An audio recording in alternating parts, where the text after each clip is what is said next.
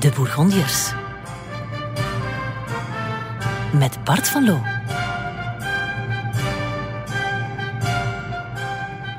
There is something rotten in the kingdom of France.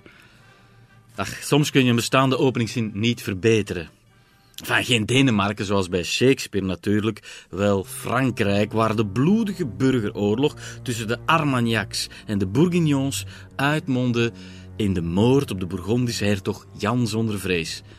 En de Franse kroonprins, die stond erbij en die keek ernaar.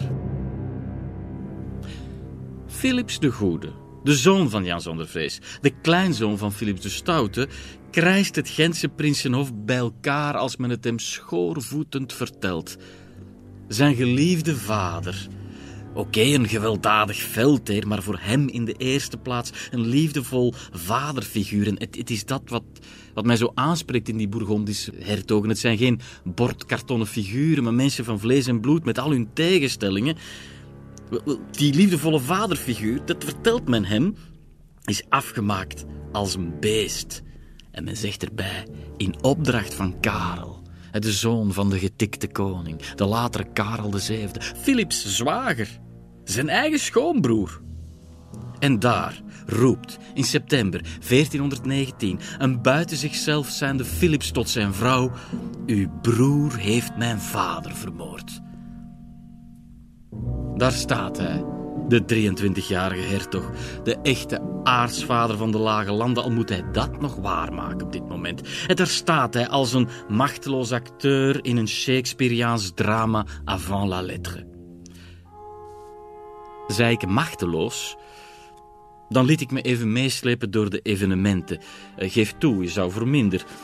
Philips zou zijn rug rechten. Hij weet ook, men heeft het hem verteld, dat dat net de laatste beweging van zijn vader was. Voor een zwaard hem doorboorde, rechte Jan zonder vrees zijn rug en daarna liet hij reutelend het leven. Alleen daarom kon Philips niet anders dan van zijn leven, van zijn carrière, van zijn regeerperiode een onwaarschijnlijk succes maken. Hij was het verplicht aan zijn vader. Misschien dat uit de wrok en het verdriet van de moord op de brug van Montereau wel de energie ontsprong om grootse dingen te ondernemen. Maar pas op, hij zou zich lang niet alleen laten leiden door wrok en wraak. Hij zou het slim spelen, heel slim. Philips de Goede was in eerste instantie Philips de Slimme.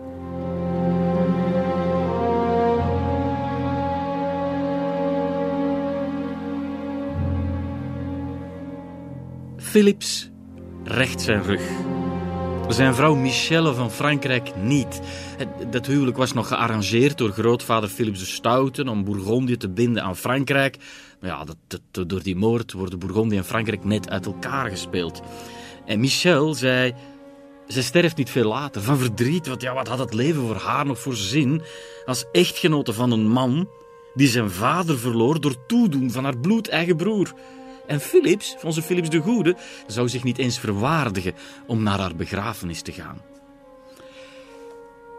Hij recht zijn rug, hij kan niet anders. Het lot van het grote Bourgondië ligt in zijn handen. Ja, misschien moet ik nu even, voor ik u vertel hoe Philips politiek zal reageren op de dood van zijn vader, moet ik nog eens even het strategobord spreiden even met u kijken naar welke pionnen er juist waar op tafel staan. Philips is 23 en van de ene minuut op de andere is hij hertog van Bourgondië geworden, graaf van Vlaanderen, maar zwaait hij ook nog eens de scepter in de Franche-Comté, dat ligt ten oosten van Bourgondië, en ook in de Vermandois en Artesië, ten zuiden van Vlaanderen. Intussen zijn Brabant en Limburg ook in Bourgondische handen gekomen, dat na lang onderhandelen. weet u nog, de gevolgen van het dubbelhuwelijk in Kamerijk en, en militaire steun aan Johanna van Brabant komen in 1404 Brabant en Limburg in handen van een broer van Jan zonder vrees, Anton, de nonkel van Philips de Goede. En die Anton, ik hoop dat u nog, nog, nog helder aan het volgen bent. Die Anton die komt om in de slag bij Azincourt. waardoor Brabant en Limburg voortaan bestuurd zullen worden door zijn sukkelachtige zoon Jan. En daar ruikt Philips de Goede zijn kans om Brabant en Limburg vanuit dat zijmandje in het hoofdmandje van Bourgondië te doen belanden. Dat is in ieder geval in het noorden, in onze contraien, wat er nu concreet op het spel staat. Daar zo dadelijk meer over, maar eerst moet ik, kan niet anders, terug naar Frankrijk. Frankrijk dat natuurlijk helemaal op zijn kop staat. De troonopvolger, Karel, had de Bourgondische hertog gedood. Terwijl het net de bedoeling was geweest om op die brug, weet u nog, vrede te sluiten en de krachten te bundelen tegen de Engelsen, tegen het perfide Albion, dat nog altijd grote delen van Frankrijk bezette en zich opmaakte op dit moment, dit eigenste moment, zich opmaakte om naar Parijs te trekken. Wat moest Philips doen? Het is de vraag van 1 miljoen.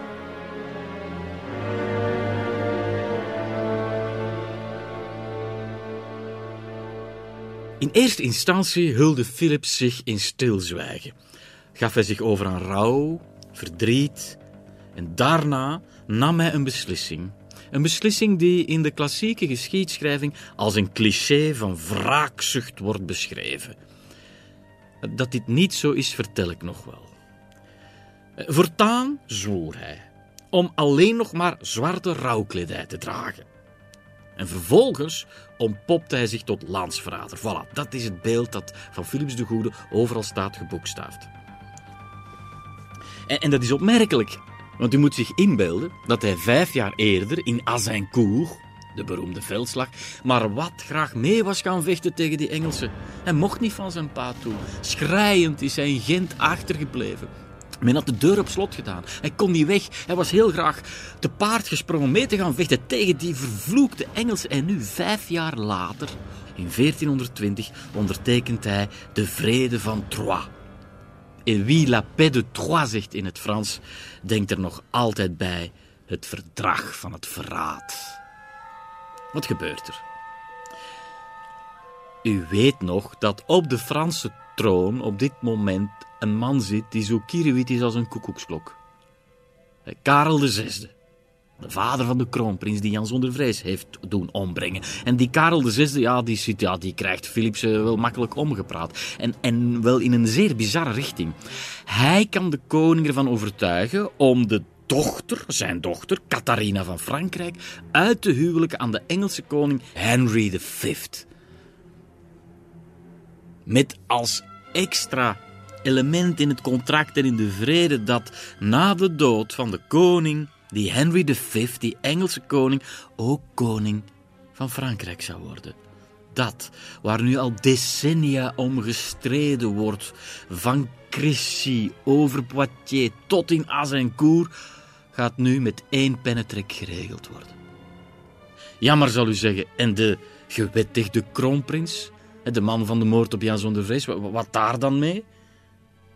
Wel, Isabella van Beieren, de Franse koningin, die eieren voor haar geld kiest, die weet dat Philips de Goede de sterke man is, die weet dat als zij nog een rol van betekenis wil spelen, dat ze dan het spel van, van Philips de Goede mee moet spelen, zij zal, alsof het haar geen moeite kost, officieel beweren dat die kroonprins een bastaard is en dus helemaal geen recht heeft om troonopvolger te zijn. Hopla, opgekuist, staat netjes.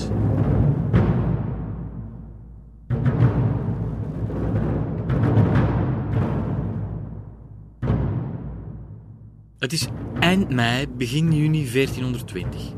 We zijn in Troyes. Op 21 mei werd het verdrag tussen de Engelsen en de Bourgondiërs en de Fransen ondertekend.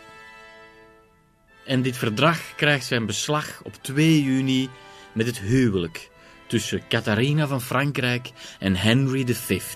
Het letterlijk met elkaar versmelten van het Franse en het Engelse koningshuis. De klokken luiden. In de oren van heel wat Fransen luiden ze een beetje vals.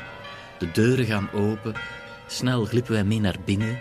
Met onze 21ste eeuwse blik kunnen wij niet anders, net zozeer als de eigentijdse mensen die daar op de stoeltjes zitten, met een verbaasde blik aanschouwen wat er gebeurt. Want wie zien we daar voor ons vooraan in de kerk staan? We zien Isabella van Beieren, koningin van Frankrijk, die dus zo net heeft verklaard dat haar zoon, haar troon op de, de echte officiële troonopvolger, dat dat maar een bastaard is. Het is duidelijk, terwijl zij daar staat te kijken, naar haar dochter, dat zij een opportunist is. Zij wil eieren voor haar geld. En ze, ze, ze speelt nu het spel mee van Philips de Goede. Philips de Goede, moet u inbeelden, is de vader van de moordenaar van een grote liefde, Lodewijk van Orléans. Maar dat is ondertussen al lang geleden, we zijn dertien jaar verder. En nu wil zij, zolang het nog kan, mee op de eerste plaats staan. Als het dan moet, om mee te gaan met de zoon van de moordenaar van haar liefde, dan wees het maar zo. Naast haar staat haar dochter, die arme Catharina. Ze staat daar met tranen in de ogen, ze huilt, wellicht niet van geluk, want ze wordt overgeleverd aan de erfvijand. Aan Henry V. Henry V daarentegen, die staat te lachen. Hij is tevreden, hij lacht in zijn vuistje, hij lacht. Frankrijk staat op het punt om in zijn brede schoot te vallen. En tot slot de architect van dit merkwaardige verdrag, dit verdrag van het verraad volgens velen. Philips de Goede. Onbewogen. Kaarsrecht. In het zwart kijkt hij toe. Het lijkt alsof hij na zijn vader te hebben begraven ook zijn land ten graven draagt.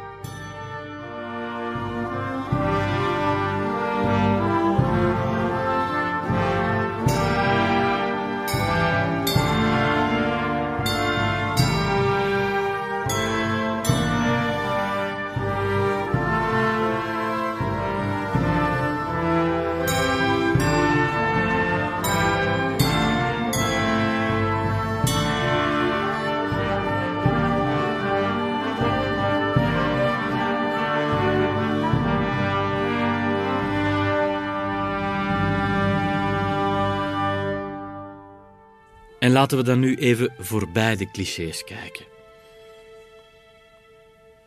Dat Philips zich helemaal in het zwart kleden verdient enige nuance. Zwart was uiteraard de kleur van de rouw. Met toeval wil, of het was misschien zelfs helemaal geen toeval, dat zwart op dat moment net de modekleur bij uitstek was in Europa. Bovendien zou hij later bij, belangrijke ceremonies en feesten niet aarzelen om kleurrijke paradegewaden aan te doen. En ten tweede, het is niet alleen maar wraak. Hoewel dat iedereen van in het begin, Philips de Goede vanuit Bourgondische hoek in ieder geval, duwde naar, naar, naar een verdrag van wraak, heeft hij dat zelf lang tegengehouden. Hij wilde nadenken. Hij wilde niet zomaar Frankrijk uitleveren aan de erfvijand. Dat hij het uiteindelijk toch doet, was niet omwille van wraak. Wraak is een slechte leermeester, maar vanuit politiek realisme. Hij dacht dat dit het beste voor Bourgondië was. En heel snel gaan een aantal mensen sterven. En niet de minste. De eerste die eraan gaat is Henry V. Ja, zeg, op een zuchtje van de Franse troon sterft hij. En het is zijn zoon, die dan vier jaar is, die natuurlijk ook Henry heet, Henry VI zal het zijn, die dan de, de, de volgende troonopvolger is. En die komt ook effectief op die Franse troon te zitten, want twee maanden later sterft wie? Karel de Zesde, Karel de Waanzinnige. Hij legt het loodje. Zijn geest was al lang helemaal naar de, naar de eeuwige jachtvelden vertrokken, maar nu volgt zijn lichaam. Dus de surrealistische situatie. We hebben een Engelse koning in Frankrijk en hij is vier jaar oud. Wat een kluwe. Het is zijn oom, Jan van Bedford, die aan een soort van regent wordt en die in zijn plaats de macht zal uitoefenen.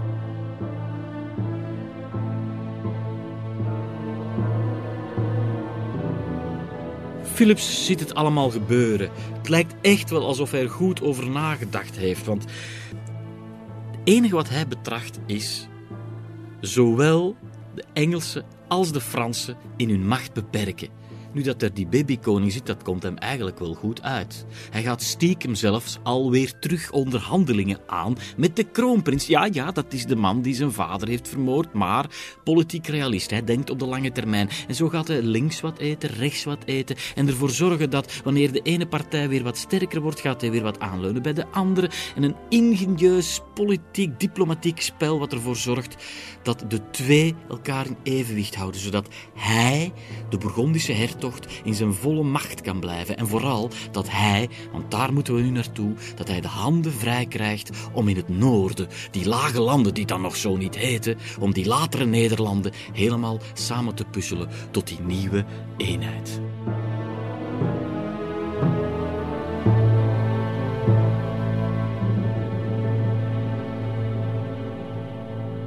De Bourgondiërs.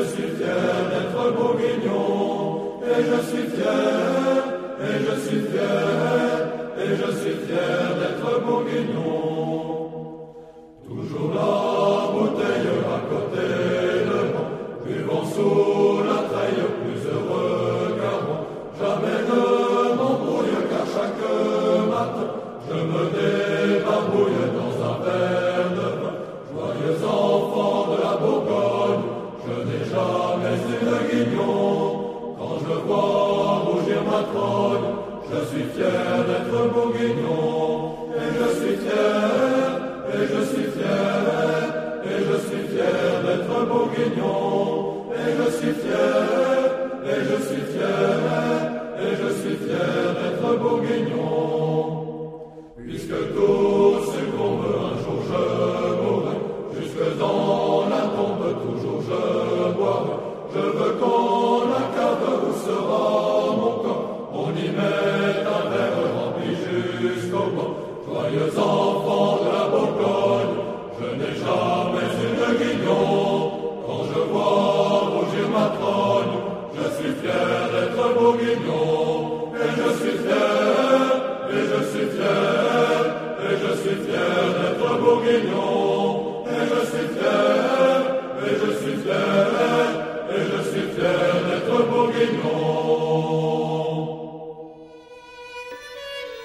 Stel dat u een eenvoudige ketellapper of een mandenmaker in Parijs was geweest in het jaar des Heer 1422.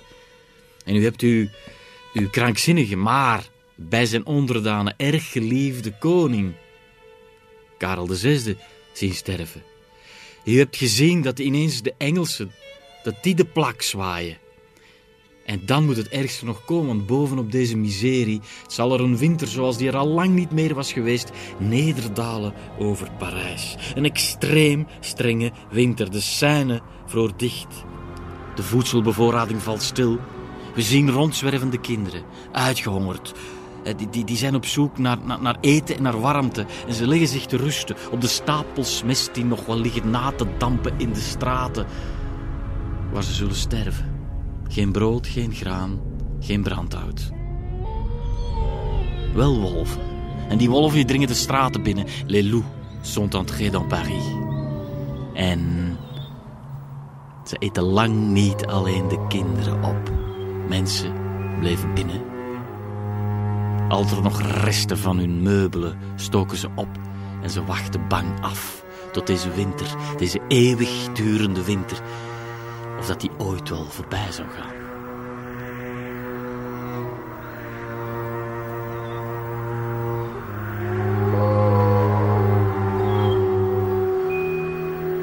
Mijn apocalyptische verhalen zijn nog niet voorbij. Want wij moeten naar het noorden. Stilaan verandert het zwaartepunt van Bourgondië. Dijon is niet meer het centrum. We trekken naar boven, naar Gent, naar Brugge, naar Brussel. Daar zal de toekomst van Bourgondië zich afspelen. Daar in het noorden gebeuren in diezelfde periode vreselijke dingen. Een grote noordwestenstorm had zulke grote vloedgolven veroorzaakt dat de dijken het één voor één begaven, de dijken die ook verwaarloosd waren door de, interne burgeroorlog in Holland. Kustgebieden werden overstroomd. Miljoenen liters bruine drap. Mensen die klommen op hun daken, die riepen, die smeekten de Allerhoogste om bijstand. En er werden tientallen dorpen die, die verdwenen gewoon in de golven. Duizenden mensen, honden, koeien, katten, iedereen verdronk.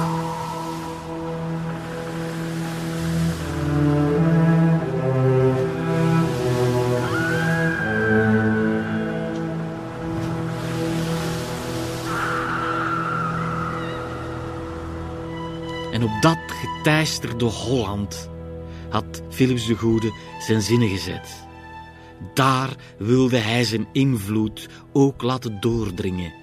Dat land wilde hij ook toevoegen aan zijn Bourgondisch palmares. Alleen was er één vrouw die daar een stokje voor wilde steken. Philips de Goede maakte zich op om zich te meten met een dame, waarvan de naam ligt te verschimmelen in geschiedenisboeken. Daar mag ze nu wel stilaan uit verjaagd worden. Maak plaats voor een van de bijzonderste dames uit onze vaderlandse geschiedenis, Jacoba van Beieren.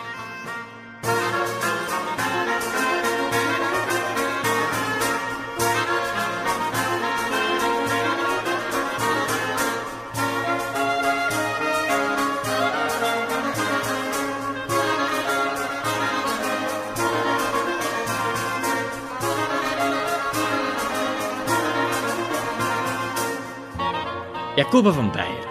Wie was zij ook alweer? Zij was de dochter van Willem van Holland en Zeeland en Heengouwen en van Margaretha van Bourgondië. Weet u wel, het ene van die twee koppels van het dubbelhuwelijk uit Kamerijk. En Willem, die was getrouwd met Margaretha, de zuster van Jan zonder vrees. Jacoba moest oom zeggen tegen Jan zonder vrees. Philips de Goede was haar kozijn, haar neef. En zij groeide op in, in Henegouwen, in het kasteel van Quenois. Daar leerde ze schrijven, dansen, paardrijden. Ik kon haar moeilijk een lieftallig prinsesje noemen, want ze, ze, ze wist ook hoe ze moest jagen. Ze, ze had zelfs zwaardlessen gehad, beeld u in. Bij wijze van spreken kon ze een harnas aantrekken en deelnemen aan de strijd. Ze sprak vlot Frans en Engels. Diets was helaas een brug te ver. En zij? Zij was getrouwd met Jan de Vierde van Brabant. Jan de Vierde van Brabant, de zoon van Anton, broer van Jan zonder vrees, was een sukkelachtig persoon. Een soort van notoire onbenul. Een Jan Doedel van een hertog. Uh, Jacoba kon hij niet aan. Zij bedroog hem uiteindelijk met iemand die Philips de Goede absoluut niet had zien aankomen. Maar ik wil nog even bij die Jan de Vierde van Brabant blijven, die, om een lang verhaal kort te maken, het spel van de macht niet aankon en als het ware Brabant overhevelde, overgaf aan zijn oom. We zijn zelf ervan, onze Philips, die zal er wel goed voor zorgen. Hielp natuurlijk dat zijn broer, dat hij ook snel stierf en zo kwam Brabant alvast in de handen van Bourgondië. Dat is te gek als je erover nadenkt, want die, die, die, die, die Jan had eigenlijk alle sleutels in handen met Brabant, Holland, Zeeland en Henegouwen. Dat lag bij hem op tafel en in het echtelijk bed. Hij had alles in handen om het Philips de Goede moeilijk te maken. Nee, in tegendeel. Hij geeft hem gewoon Brabant eigenlijk zo bijna cadeau. En aan de andere kant hebben we nog Holland, Zeeland en Henegouwen. En van Beieren die kan het echt niet uithouden met die Jan de Vierde, die, die niet in staat is om een fatsoenlijke politiek te voeren, die bovendien ook in bed wellicht niet heel veel charmante activiteiten tot een einde wist klaar te spelen, en die ook helemaal niet vriendelijk tegen haar was. En zij zei, het opsteken van een middelvinger bestond nog niet in de middeleeuwen, maar het is dat wat je je moet inbeelden. En ze trekt weg van Jan de Vierde. En in Engeland kijkt zij diep in de ogen van een zekere Humphrey de broer van Henry V, de Duke of Gloucester. de Lord Protector of England, de machtigste man op het eiland. Nog een andere broer, die Jan van Bedford. Die deelt de lagers uit in Parijs, maar hij is de sterke man in Engeland zelf. En daar begint ze dus, oké, Philips de Goede kan zich nog inbeelden dat ze een schandalige flirt zou hebben met die Engelsman. Maar nee, ze trouwt ermee. Dit is onwaarschijnlijk, want ze is op dat moment nog officieel getrouwd met Jan de Vierde van Brabant. Dus ineens officieel, Jacoba van Beieren is twee keer getrouwd tegelijkertijd. De vraag is niet of er een strijd zal losbarsten, maar wanneer.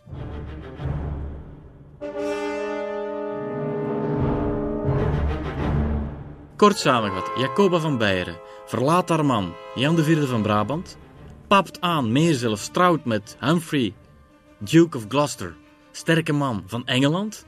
En die sterke man van Engeland, die gaat dan nog eens ineens zeggen dat hij graaf van Henegouwen, Holland en Zeeland is. Van de ene dag op de andere.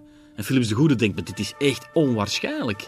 Die, die, die schiet al in een Bourgondische colère en dan bovendien zal die Humphrey nog eens een brief sturen naar Philips de Goede om te zeggen van, hé hey maat, dat is allemaal van mij vanaf nu. En ik vind bovendien dat jij je iets te opdringerig in Brabant opstelt. En daar schiet die Bourgondische colère pas helemaal door in het gestel van Philips de Goede. En wat doet hij? Hij voelt de Godfried van Bouillon in hem naar boven klimmen. En hij doet iets wat heel Europa zal versteld toestaan. Iets wat eigenlijk al niet meer gebeurde. Hij daagt Humphrey, Duke of Gloucester, uit tot een duel, tot de dood erop volgt.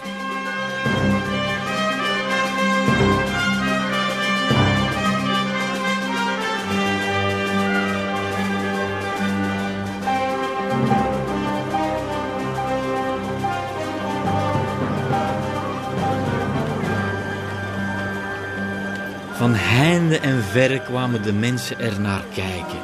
Het leek een in de middeleeuwen verdwaalde gladiator, maar het was wel degelijk Philips de Goede die zich voorbereidde.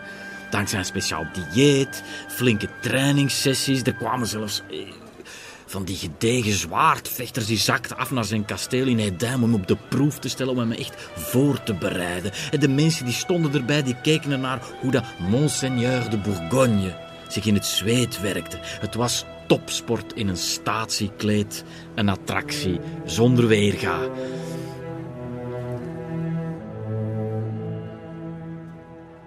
Wat is het jammer dat al die inspanningen en die trainingssessies van Philips de Goede, dat het tot niets heeft geleid. Enfin, dat tot geen duel heeft geleid, want uiteindelijk ging het gewoon niet door. En waarom? Het lag niet aan Philips, want die stond klaar. Met, met, een, met een harnas, met de diamanten erop gewezen. Hij was helemaal klaar. Maar Humphrey, Duke of Gloucester, die moet plots terug naar Engeland. Want in Engeland begint zijn troon te wankelen, begint het gevaarlijk te worden. Zijn er allerlei andere fracties die azen op de macht. Hij vertrekt en laat Jacoba alleen achter. Waar? In Henegouwen. In Bergen, de hoofdstad.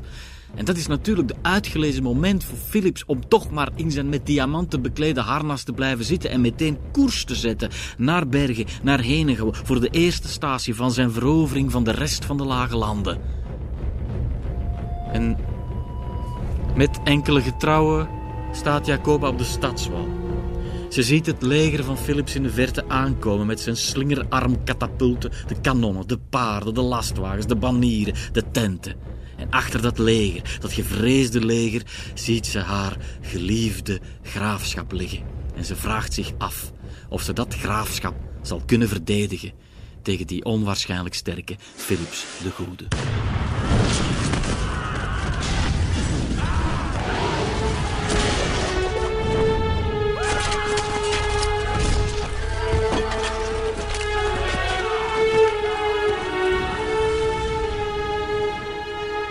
Na twee dagen hebben de kanonskogels en de brandende pijlen voor een kleine ravage gezorgd. En de moed zakte bergenaars in de schoenen. Zij willen, zij willen zich overgeven.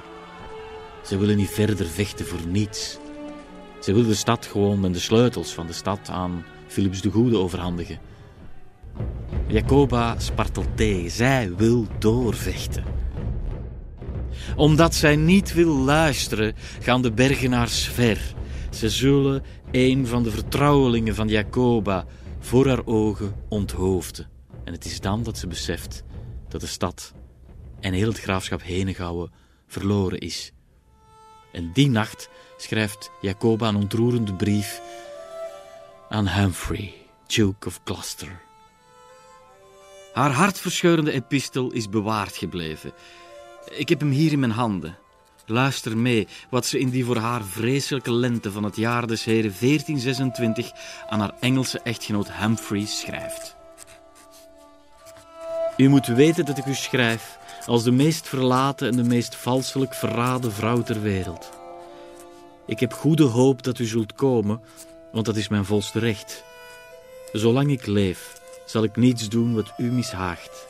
Ik ben zelfs bereid uit liefde voor u en uw edele persoon te sterven, want ik ben zeer op uw edele heerschappij gesteld, ook al schijnt het me toe dat u me vergeten bent. Geschreven met een zeer droevig hart in Bergen op de zesde dag van juni.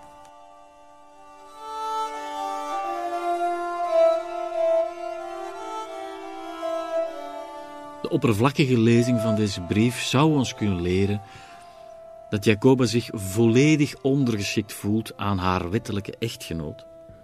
Dat zij als vrouw maar aan de knieën komt van haar man en dat ze stapelverliefd is.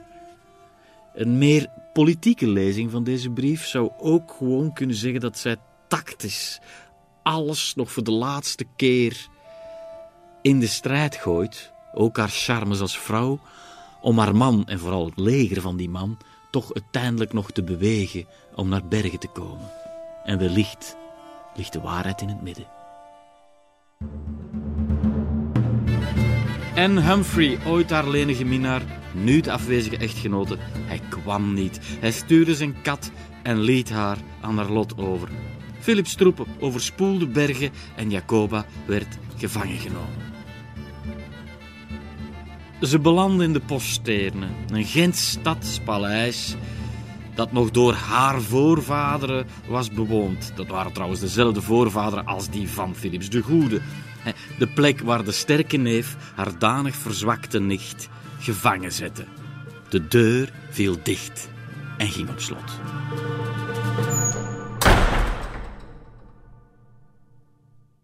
Philips wreef in zijn handen. Het zag er naar uit dat hij de strijd om Henegouwen, Holland en Zeeland had gewonnen.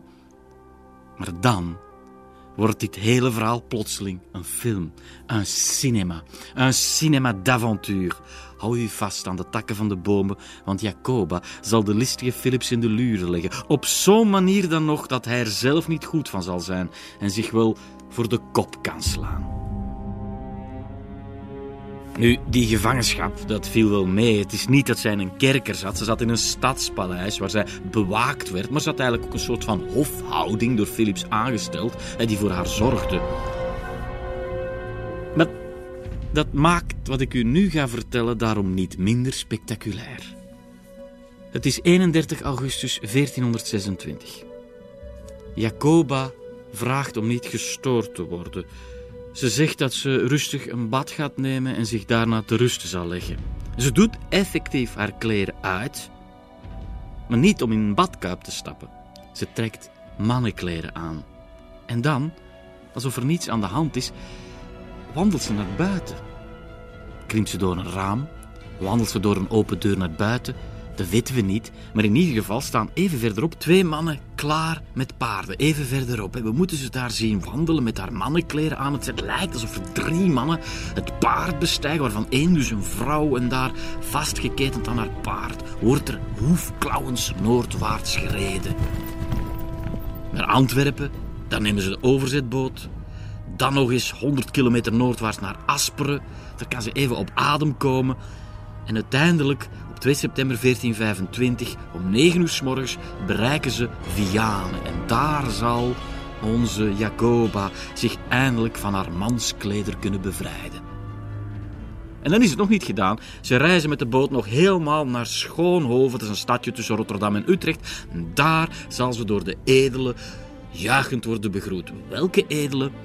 De Hoekse edelen. Dat moet ik toch wel even vertellen. Je had die burgeroorlog in Holland tussen de Hoeken en de kabeljauwen. Te ingewikkeld om het hier uit de doeken te doen. Maar de Hoekse adel was meer landadel, ouderwets, reactionair. Die koos de kant van Jacoba, terwijl onze Philips meer aanlegde met de meer vooruitstrevende stedelijke aristocratische elite van de kabeljauwen. Daar, plotseling, dwingt die ontsnapping de Bourgondische hertog tot grote daden. En het kan niet anders. Hij zelf, in zijn harnas gestoken, trekt noordwaarts. Harnas, weet u nog, dat hij speciaal had laten vervaardigen voor zijn duel, dat duel dat niet doorging met die Humphrey van Gloucester. De, de ingezette diamanten blinken in de maneschijn, want hij moet gewoon doorreizen, ook s'nachts. En daar begint het.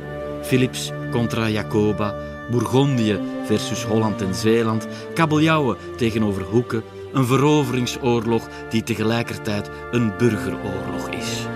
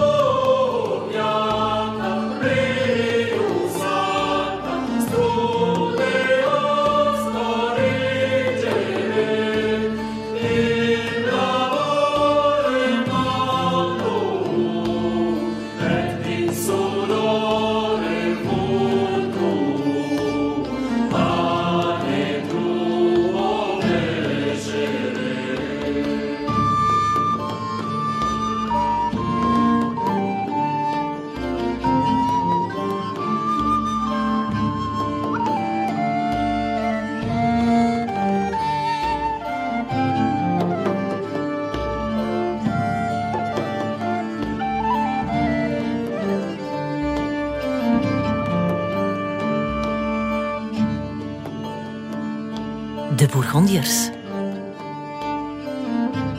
Met Bart van Loo.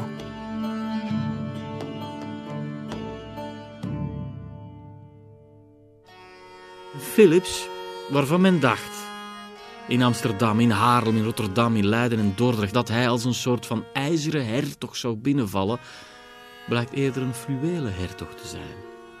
Hij, de steenrijke Bourgondier, hij belooft grote dijkbouwwerken aan te vatten. Hij belooft om hen af te helpen van de plaag van die Engelse zeerovers. Hij wil ook steun bieden in de concurrentieslag met de Hanzesteden en ineens zien al die Hollandse steden. Maar hoe? Met deze man valt zaken te doen. En dat zorgt ervoor dat de opmars van Jacoba, die spectaculair was in het begin, al snel tot stilstand komt. Dat ze eigenlijk tegenover een sterkere macht komt te staan. Toch zal ze een eerste overwinning behalen. Ze stuurt haar manschappen vanuit haar Hollandse bolwerk Gouda naar het 15 kilometer noordelijk gelegen Alphen aan de Rijn. Want daar had Philips en zijn kabeljauw, vooral zijn kabeljauwse bondgenoten, die, die hadden daar een houten fort neergepoot bij de Goudse sluis, zodat ze eh, de controle hadden over de samenvloeiing van de Gouwe en de Oude Rijn. De plaatselijke bevolking, die aan de kant van Jacoba stond, die begon het vee rond het fort op te drijven.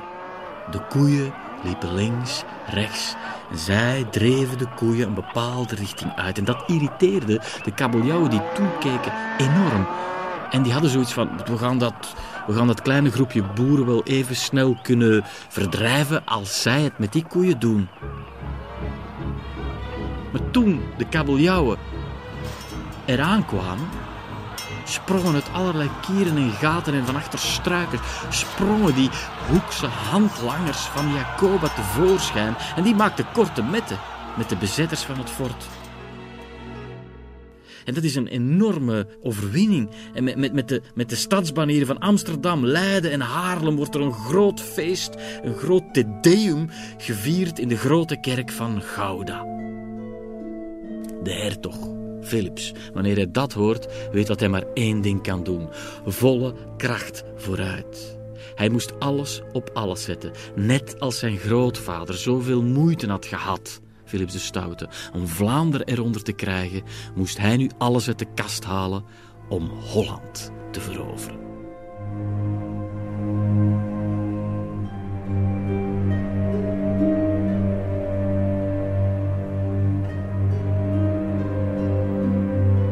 Maar waarom was Holland dan zo aantrekkelijk en aanlokkelijk voor Philips? We moeten weten dat Holland de voorbije eeuwen een, een strijd had gevoerd met de zee. Het fenomeen had zich meermaals voltrokken dat mensen hun halve dorp en hele kerk op kar hadden geladen om het te redden van het opkomende water. En om dat overtollige water, om dat te baas te komen, had men een ingenieus systeem van beken en grachten ingevoerd. Er werd vanaf het begin van de 15e eeuw gebruik gemaakt van poldermolens. Ja, het is van dan, stilaan, dat de beroemdste aanzichtkaart aller tijden uit Holland vorm begint te krijgen. De molen aan het water.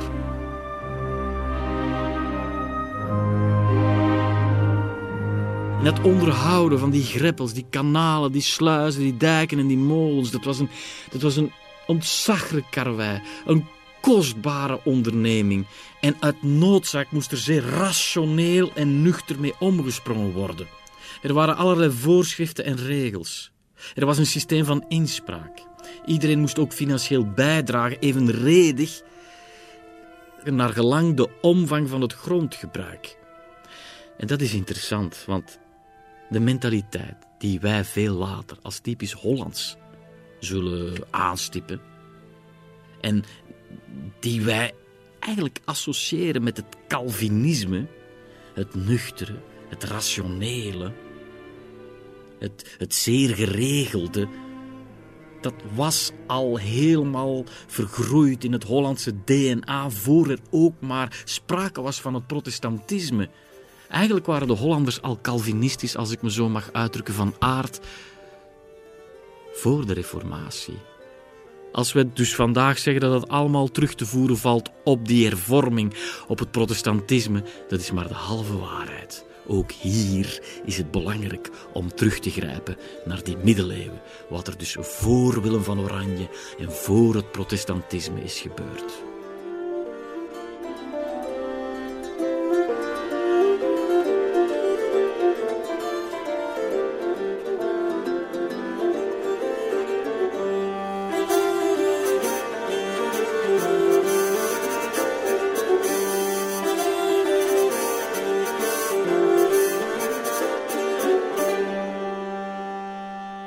De akkergronden, die ontstonden als gevolg van de strijd met de zee, die werden zoetjes aan omgevormd tot weilanden, omdat die beter gedijden op de veenbodems. En daar kwamen koeien. En wie koeien zegt, zegt zuivelproductie. En daar komen we weer bij een typisch Hollands cliché. De bolle kaas. De kaasmakerij. En voor die kaasmakerij was zout nodig. Dat zout werd gewonnen uit zouthoudend veen in Biervliet. Dat hadden ze allemaal goed bekeken, die Nederlanders. En plotseling, want je moet weten, tot er zoveel koeien en weilanden waren, waren er plots veel minder mensen te werk gesteld. Maar die mensen die geen job meer hadden, die vonden werk in de nijverheid die te waken had met water. Er was behoefte aan scheepsbouwers, touwdraaiers, kuipers, zeilmakers en uiteraard ook dijkwerkers. En zo zie je dat wat in oorsprong de vijand was, de zee, uiteindelijk zal zorgen voor economische welvaart. En dan heb ik het nog niet over het inkaken van miljoenen haringen. Eerst het verwijderen van de ingewanden, vervolgens inpekelen met biervliet zout. En zo kon die haring veel langer worden bewaard. En zo wisten die flexibele Hollanders dus van de nood een deugd te maken. Ze, ze gaan nog verder. Hè. Ze gaan ook van imitatie een tweede natuur maken. Ze gaan Vlaams laken imiteren, een goedkopere variant, maar daar vonden ze toch wel een afzetmarkt voor. De haringvisserij die hadden ze eigenlijk ook al afgekeken, van Deense en, en, en Schonense vissers op de jaarmarkten van Skaneur. Hetzelfde gebeurde ook al in Bremen en Hamburg. Daar hadden ze ook gezien hoe er een nieuwe manier ontstond om bier te brouwen. Niet meer met gruit, een specifiek kruidenmengsel, maar met hop dat gingen die Hollanders ook perfect implementeren. En zo slaagden zij er stilletjes aan in om economisch welvarend te worden, om demografisch uit te breiden. Ik, ik, wil er toch eens een paar cijfers tegenaan gooien. Ja, Vlaanderen blijft natuurlijk onklopbaar, de cijfers. Ik heb ze al eens gezegd, maar nog eens Gent 65.000, Brugge 45.000, Yper en Rijssel ongeveer 30.000. Je moet weten dat rond 1400 Leiden ongeveer 6000 inwoners had, Gouda 5000, Delft 6500 en Amsterdam 3000. Maar stilaan komt er schot in die zaak. Traag, maar zeker kruipt Holland uit een demografisch dal. Het zal toch nog tot halverwege de 16e eeuw duren vooraleer Amsterdam de kaap van 30.000 inwoners zal ronden. Maar dan geschiet er een fenomenale uitbarsting. Holland zal als een soort van raket en Amsterdam als top van die raket ten hemel stijgen.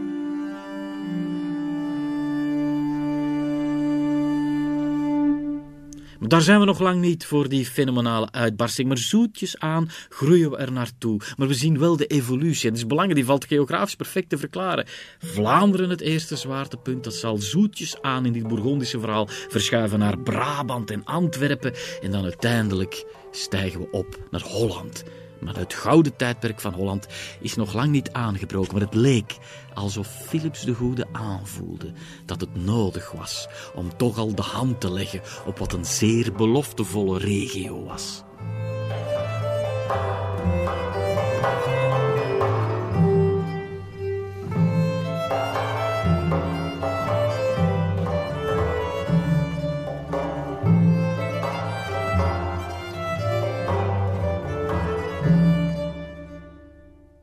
Nu begrijpen we natuurlijk waarom Philip zo gebrand is om aan zijn Hollandse veroveringstocht te beginnen. Maar Jacoba heeft plots het geluk aan haar zijde. Want wat verschijnt daar aan de einder? Het is de Engelse vloot. Ziet zij in haar verbeelding al de helmbos wuivende manen van haar lenige minnaar Humphrey, dan komt ze wat dat betreft bedrogen uit, want hij stuurt zijn legeraanvoerder, Lord Fitzwalter. Hij voert het bevel in zijn plaats. Ach kom, Het was niet haar minnaar, maar het was wel de Caesar van de Engelse vloot die eraan kwam. Uiteindelijk landt de Engelse vloot in Brouwershaven. En nu moest Philips snel zijn. In enkele dagen tijd slaagt hij erin om 120 schepen met Bourgondische strijdkrachten. Er zitten ook Picardische huurlingen bij, kabeljauwen uit Dordrecht, Delft, Den Haag en noem maar op, allemaal in gereedheid te brengen. En zet hij koers naar Brouwershaven. En op 12 januari verschijnt de Bourgondische vloot voor de kust. De wind gaat tekeer. En de klaroenspelers van de Bourgondiërs, die blazen zich de ziel uit het lijf om de wind te overwinnen en hun klanken, de klanken van aanstaande oorlog, tot op het land te blazen.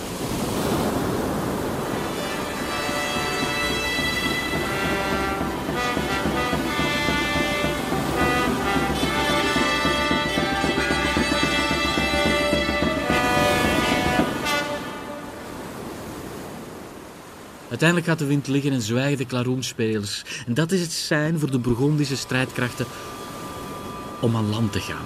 Nu, aan land te gaan, dat betekent dat ze met bootjes of wadend door het zeewater op weg zijn naar het strand. Want daar wachten de Engelse boogschutters. Zij beginnen aan hun gevreesde ballet.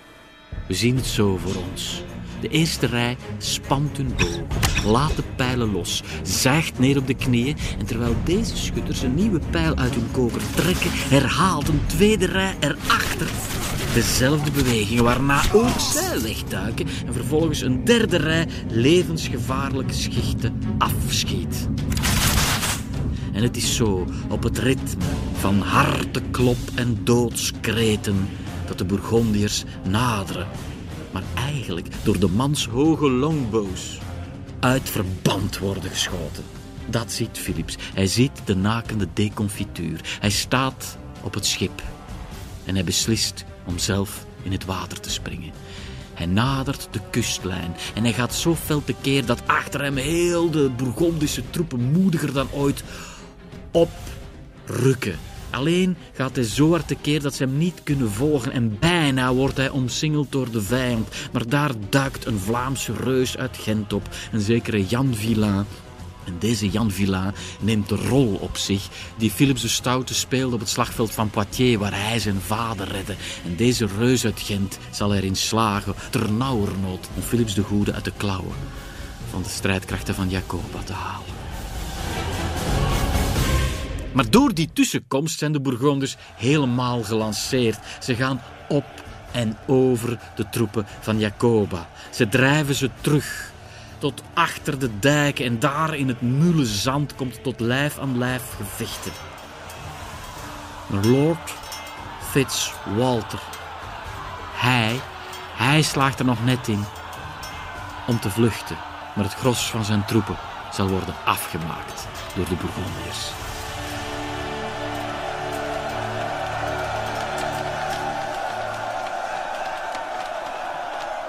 De teleurstelling voor Jacoba is immens, want dit, dit had haar grote doorbraak moeten zijn. En toch, toch zal ze net dan haar allerlaatste troefkaart uitspelen. In alle eerlijkheid een troefkaart waar ze zelf niet op had gerekend. Het is wel de kaart van de laatste kans, want op de driehoek Gouda Oudewater Schoonhoven na is alles intussen in handen van Philips. Dan komt er een opstand. Opstand uh, van de boeren uit Kennemerland en West-Friesland. Zij waren het niet eens met de hoge belastingen van Philips de Goede.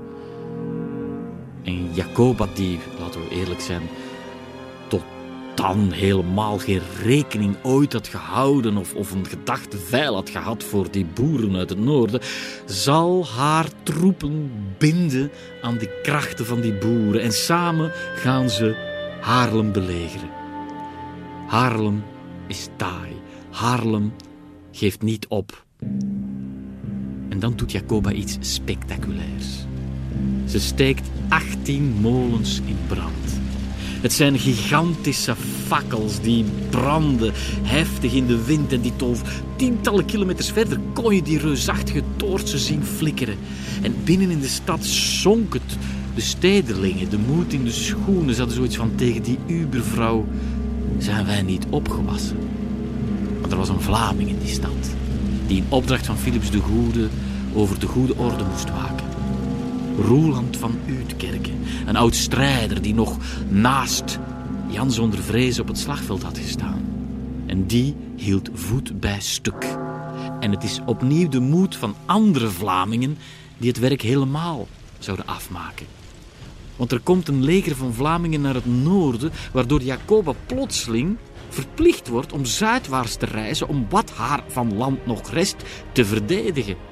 En zo komt er een einde aan die belegering en een einde aan de laatste mogelijke opmars van Jacoba. Er komen nog wel wat laatste haarden van verzet, maar die worden allemaal vakkundig door Philips de Goede uitgedoofd. En onvermoeibaar strijdt hij verder. We moeten die molens, die brandende fakkels zien als het laatste lichtpunt van haar carrière.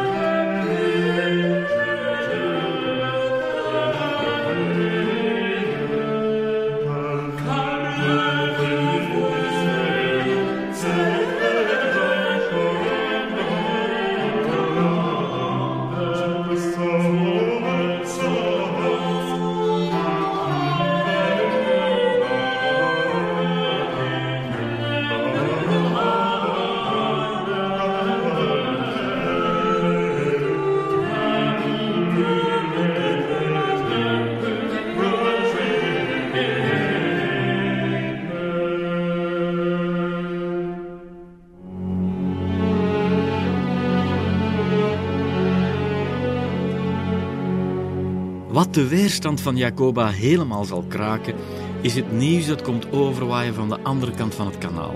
Humphrey, haar echtgenoot, is een relatie begonnen met een ex-hofdame van haar. Die barst in, in haar hart zal uitgroeien tot een gat waar Philips definitief zijn overwinning een plaats kan geven. Het is verder ook gewoon een politieke waarheid van een koe. De belangen van Engeland die wogen simpelweg zwaarder door in Frankrijk dan in Holland. Na veel geparlementeer leek het de Engelsen nogal logisch om te beslissen om alles op Frankrijk te zetten en Jacoba in het noorden aan haar lot over te laten. En dat alles voert ons naar de markt van Delft, waar wij op 3 juli 1428, net als talloze Delftenaren, getuigen zijn van de zogeheten Zoen van Delft. De verzoeningsceremonie tussen Philips en Jacoba, neef en nicht, die elkaar na die vreselijke jaren van bloedvergieten ten overstaan van de goede gemeente opnieuw recht in de ogen kijken. Dat moet nogal wat geweest zijn. Emotie, zeker. Opluchting, wellicht ook. Eindelijk vrede. We horen hoe het verdrag wordt voorgelezen. We horen dat Jacoba haar titels mag behouden, maar dat Philips als regent de sterke man wordt. En, meer zelfs, als Jacoba zonder troonopvolger sterft, hij definitief de graaf van haar erflanden wordt.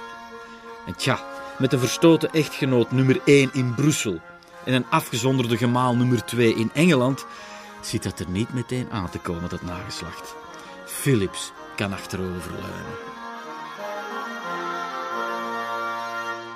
Hij mag zich meester van Henegouwen, Holland en Zeeland wanen. En bovendien mag die arme Jacoba niet eens meer hertrouwen zonder zijn toestemming. Enfin, hij heeft daar helemaal in zijn macht. Toch zal ze nog eens trouwen, die ontembare Jacoba. Al dan niet in het geheim daarover praten. Historici nog altijd, maar het mag weinig paten. Niet lang daarna sterft ze aan de tering en wordt Philips definitief de graaf van Henegouwen, Holland en Zeeland.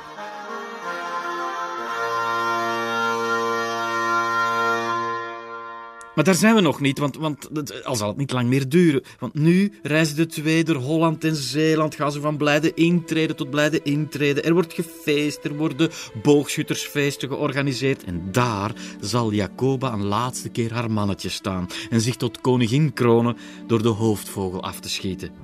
Leven de koningin! Klinkt het bijna tragicomisch. Want Jacoba had natuurlijk van andere triomfen gedroomd. Trouwens, wat een seksistische uitdrukking, vindt u niet? Haar mannetje staan?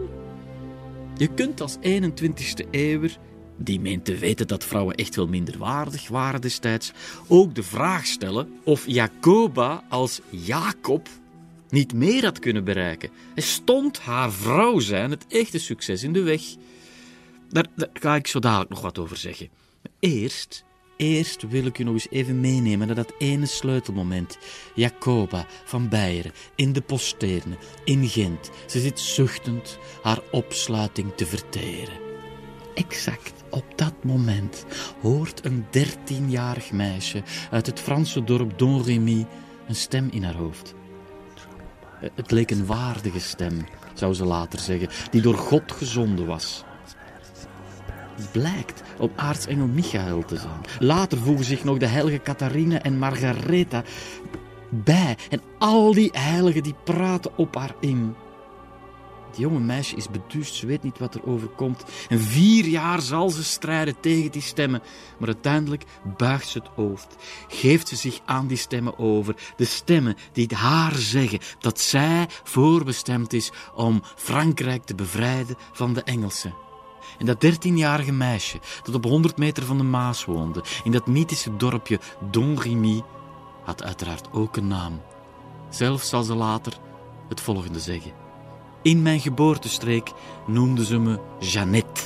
Nadien werd dat Jeanne.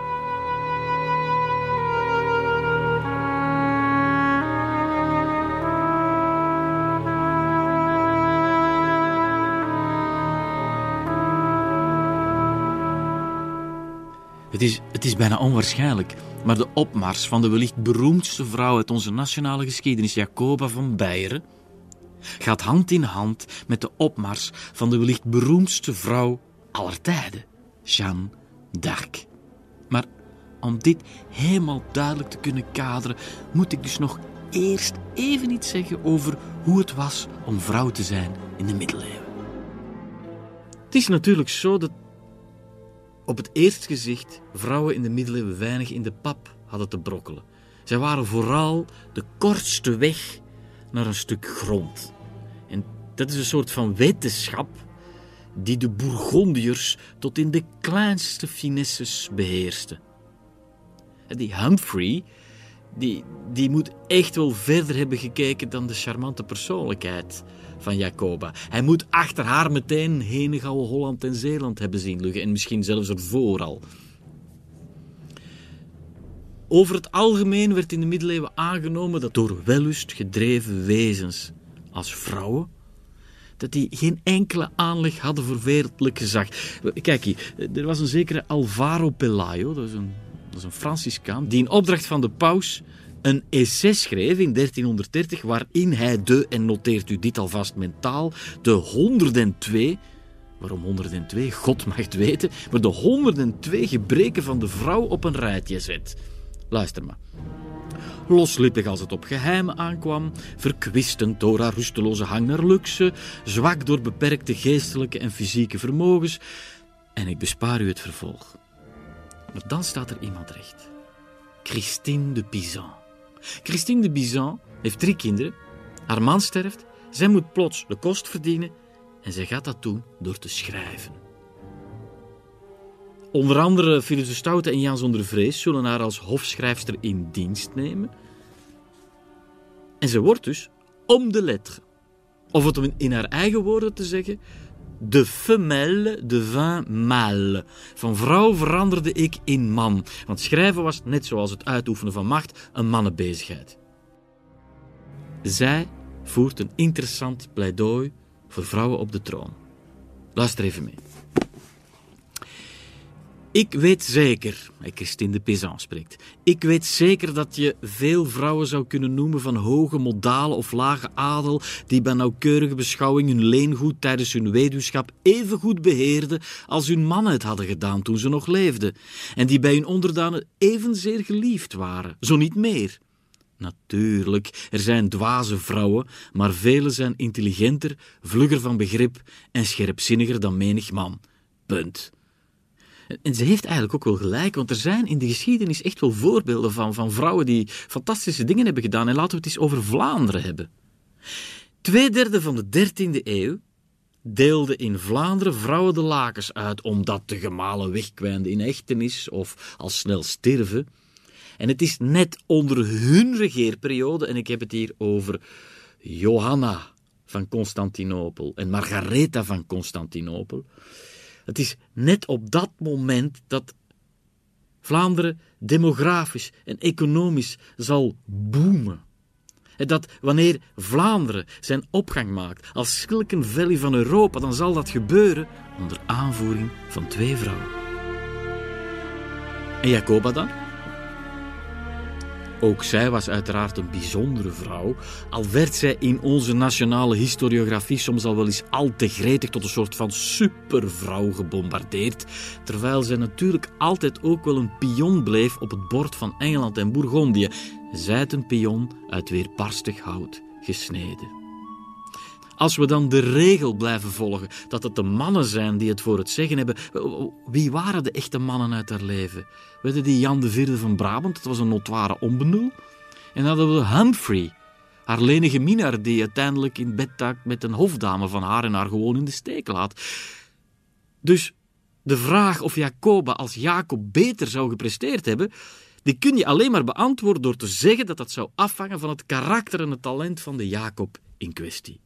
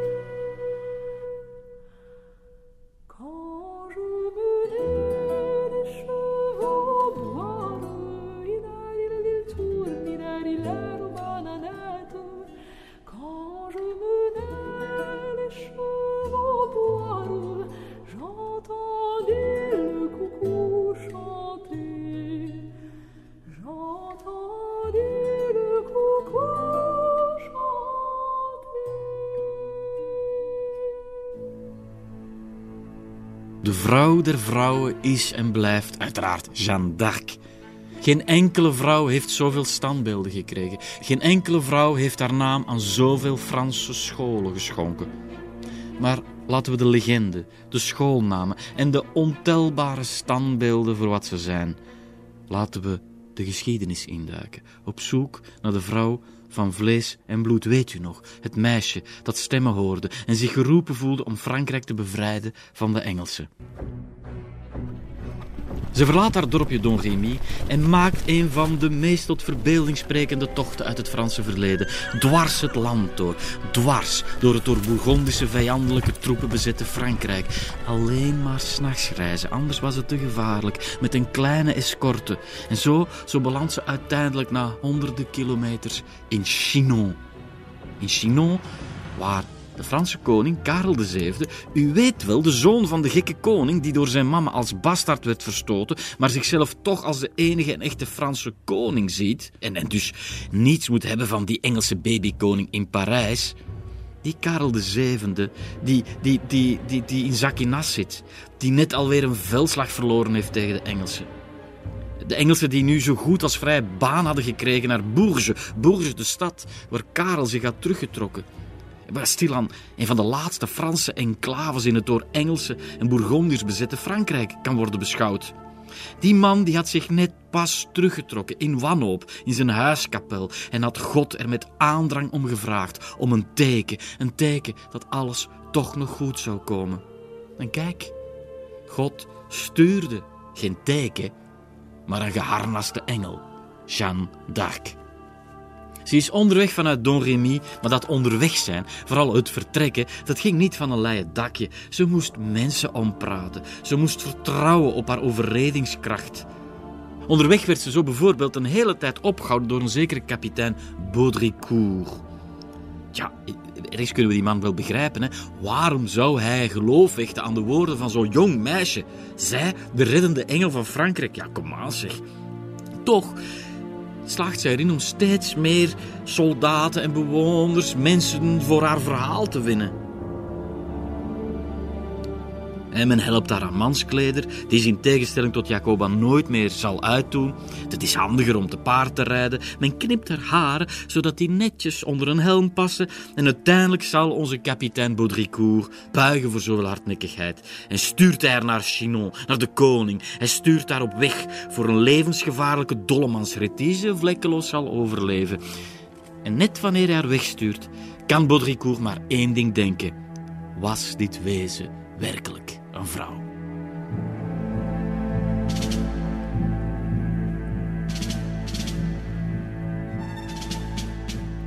Het is een klein wonder hoe zij erin geslaagd is om in Chinon Karel VII te overtuigen van haar missie. Om te beginnen, zij wist helemaal niet wie Karel VII was, maar wonderlijk genoeg kon zij hem uit een reeks aristocraten gewoon aanduiden van u bent de koning. En daar, daar ontstaat de interesse voor die maagd. Die maagd, ja, dat is belangrijk. Een aantal matrones gaan onderzoeken of zij wel degelijk een maagd is. Was zij geen maagd geweest, had men al helemaal geen aandacht gegeven aan haar woorden. En het onwaars, hoe ze het juist heeft gedaan, zal altijd wel een mysterie blijven. Maar Karel VII wellicht een einde raad zegt dan, schaadt het niet, baat het niet. En stuurt Jeanne d'Arc onderweg. En wat er dan gebeurd is...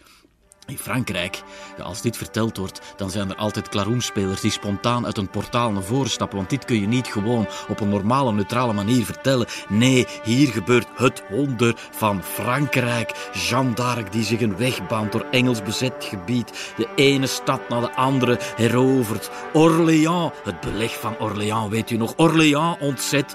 Dan tenslotte een belangrijke veldslag wint. En hier, hier uiteindelijk nu. En nu kunnen de klaroenspelers en het trompetgeschal weer terug in de kast. Hoewel, hoewel, misschien ook niet, want iedereen ziet nu in de kathedraal van Reims hoe ze daar staat te blinken aan de zijde van een al net zo glinsterende Karel de Zevende. Karel de Zevende, die de hele nacht uitgestrekt op een koude kerkvloer had doorgebracht. Waarom? Hij wilde de Allerhoogste bedanken voor de reddende engel Jeanne d'Arc.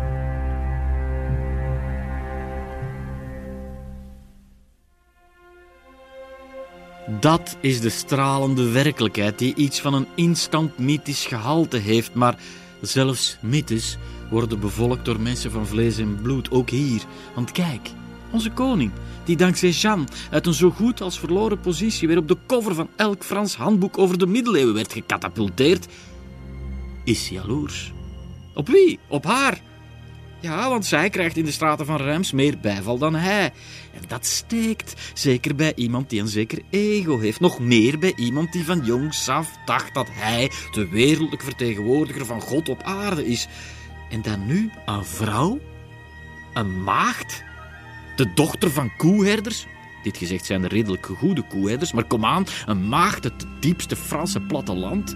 En hij, le roi lui-même, in een tweede rangsrol? Als Jean dan ook een zeldzame keer verwaand uit de hoek komt, je zou verminder, gaat die jaloezie etteren in de koninklijke ziel van die onzekere Karel VII. In schoon Vlaams zou men zeggen, daar moest de vodden van komen. Er is één grote afwezige in Reims op de kroning. Philips de Goede. Nochtans had hij een brief gekregen, een uitnodiging verstuurd door wie? Jawel, Jeanne d'Arc.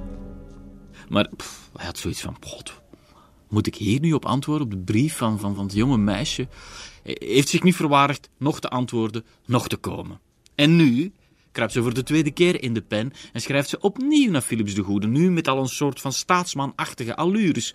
En zegt ze hem van, ja, misschien kun je wel ophouden, beste Philips de Goede, met tegen Frankrijk te vechten. Als je dan zo nodig wil vechten, vecht dan tegen de Saracenen die staan te trappelen om Europa te veroveren. Opnieuw laat ze hier een soort van profetische gave zien en een al kleine vooruitblik naar de kruistocht die Philips de Goede zal ondernemen. En opnieuw leest Philips haar missieve. Opnieuw denkt hij er het zijne van en opnieuw weigert hij te antwoorden. Hij vindt Jeanne d'Arc een merkwaardig verschijnsel. Hij kan het moeilijk inschatten.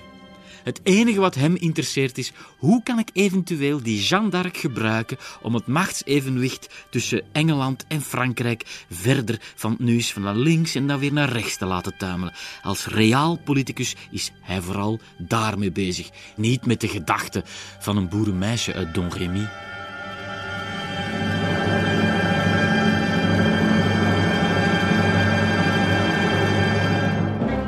Er moet een onblusbare vechtlust in het tere lijf van de nog altijd maar 17, 18-jarige Jeanne zijn geschoten.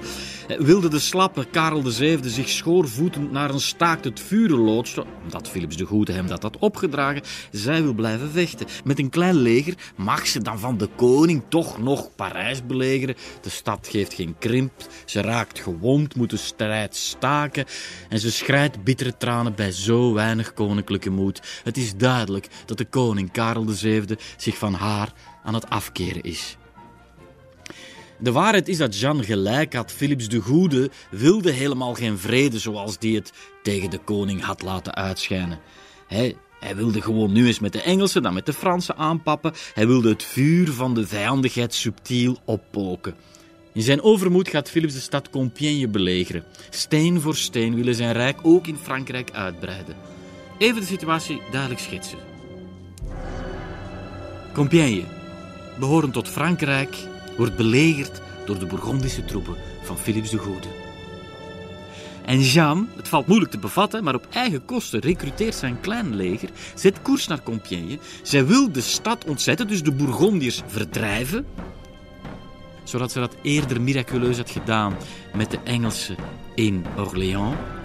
En eerst, het is onwaarschijnlijk, hè, maar met, met haar kleine troepenmacht slaat ze een bres in die Bourgondische linies en kan ze dus Compiègne bereiken en zich bij de Franse troepen voegen.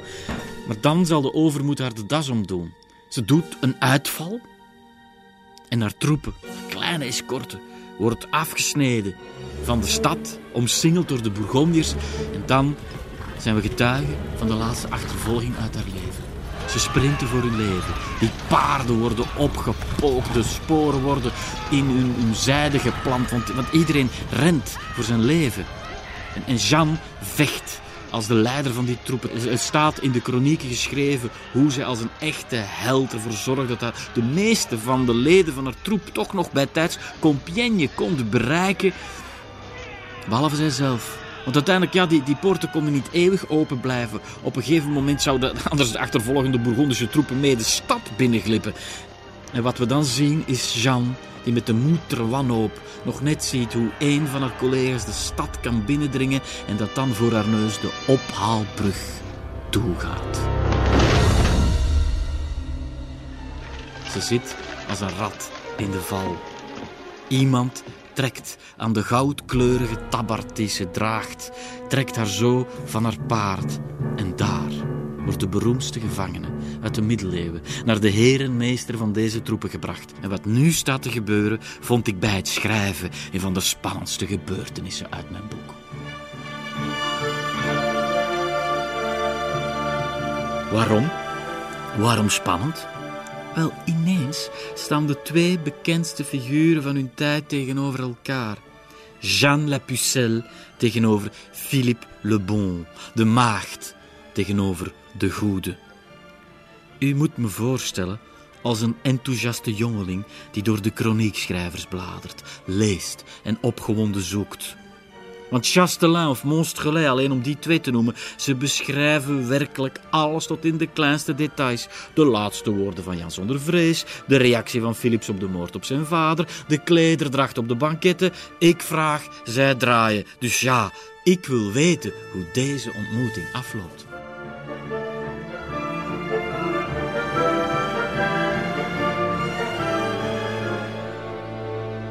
Maar kijk, één grote stilte.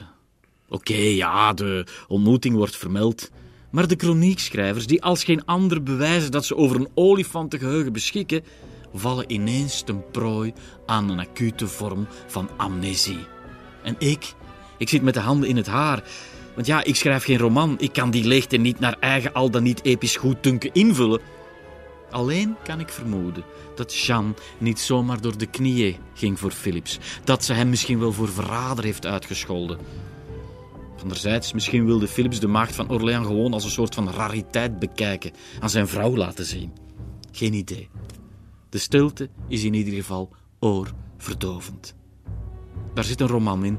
Maar kom, terug naar de feiten, terug naar de waarheid als ze al bestaat. En die waarheid is onheilspellend voor Jean. Om snel te gaan, Philips verkoopt haar aan de Engelsen. Waarom? Simpelweg omdat hem dat politiek de beste zet lijkt. Het gaat hem niet om Jean.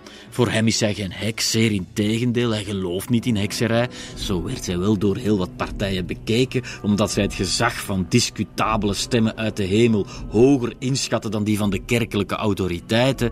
Daar was Philips de Goede helemaal niet mee bezig. Hij gelooft niet in hekserij, wel in realpolitiek. Hij gebruikt haar als pasmunt voor internationale betrekkingen, als garantie op de blijvende toestroom van Engelse wol in Vlaanderen. Jeanne is simpelweg het onderwerp van een koehandel op het hoogste niveau. Maar nu zit ze echt in de rats, want die Engelsen die willen maar één ding. Jeanne d'Arc als heks veroordelen. Waarom? Om te bewijzen dat de Franse koning zijn opmars aan de krachten van de duivel heeft te danken. Perverse spel van machtspolitiek bereikt hier een sinister hoogtepunt. Ik bespaar u de vreselijke rechtsgang die haar te beurt viel, maar wijs wel graag naar haar blijvende invloed eeuwen later. Shakespeare en Voltaire, ze hebben het over haar. Bonaparte verwijst naar haar om te stellen dat er geen mirakel is dat het Franse vernuft niet kan verwezenlijken als de nationale onafhankelijkheid in het gedrang is. Ja, woorden gedrenkt in een dergelijk voluntarisme kunnen alleen maar uit de mond komen van een Napoleon Bonaparte uit 1803. Nog geen keizer, maar jawel, alweer volop in conflict met de Engelsen. En na Bonaparte volgt Jules Michelet, de grote Franse historicus van Le Roman National, die haar met hoogdravende typisch Franse bewoordingen bombardeert tot de moeder des vaderlands. De katholieke kerk, die haar in de 15e eeuw veroordeelde, zal haar in 1929, 500 jaar na haar heroïsche reed door Frankrijk, heilig verklaren. Politiek links sprong met Jeanne, rechts evenzeer tot Jean-Marie Le Pen, die haar als boegbeeld van zijn partij zal gebruiken. Zowat elke partij, elke intellectueel zal op een gegeven moment de maagd voor zijn kar spannen. In Frankrijk dragen 426 scholen haar naam. Daarmee verslaat ze helden des vaderlands als Victor Hugo of Antoine de Saint-Exupéry. Ach, allemaal goed en wel. Maar op 30 mei 1431 zit Jeanne te bibberen in haar cel. Ze heeft een onwaarschijnlijke angst voor de vlammen die op haar wachten. De markt van Rouen ziet zwart van het volk. Iedereen wil erbij zijn als Jeanne naar de brandstapel wordt geleid. Midden op het plein hebben ze een metershoge brandstapel gebouwd. Snikkend vraagt ze om een kruisbeeld. Het is een, een ontroerde Engelse soldaat die snel met wat brandhout zo'n eenvoudig kruis in elkaar knutselt. En dat hij haar snel in haar handen stopt. De beul heeft de opdracht gekregen om haar lijden niet te verkorten. Geen wurgdood, geen verstikking door rookontwikkeling. Nee, de vlammen schieten als één grote vuurzee door het kurkdroge hout. En iedereen hoort hoe ze luidkeels om Jezus roept. Eén grote kreet om hulp. Minutenlang roept ze om Christus. En wanneer ze zwijgt, trekt de beul haar brandende hemd naar beneden, zodat iedereen haar zwart geblakerde naakte vrouwenlijf kan zien.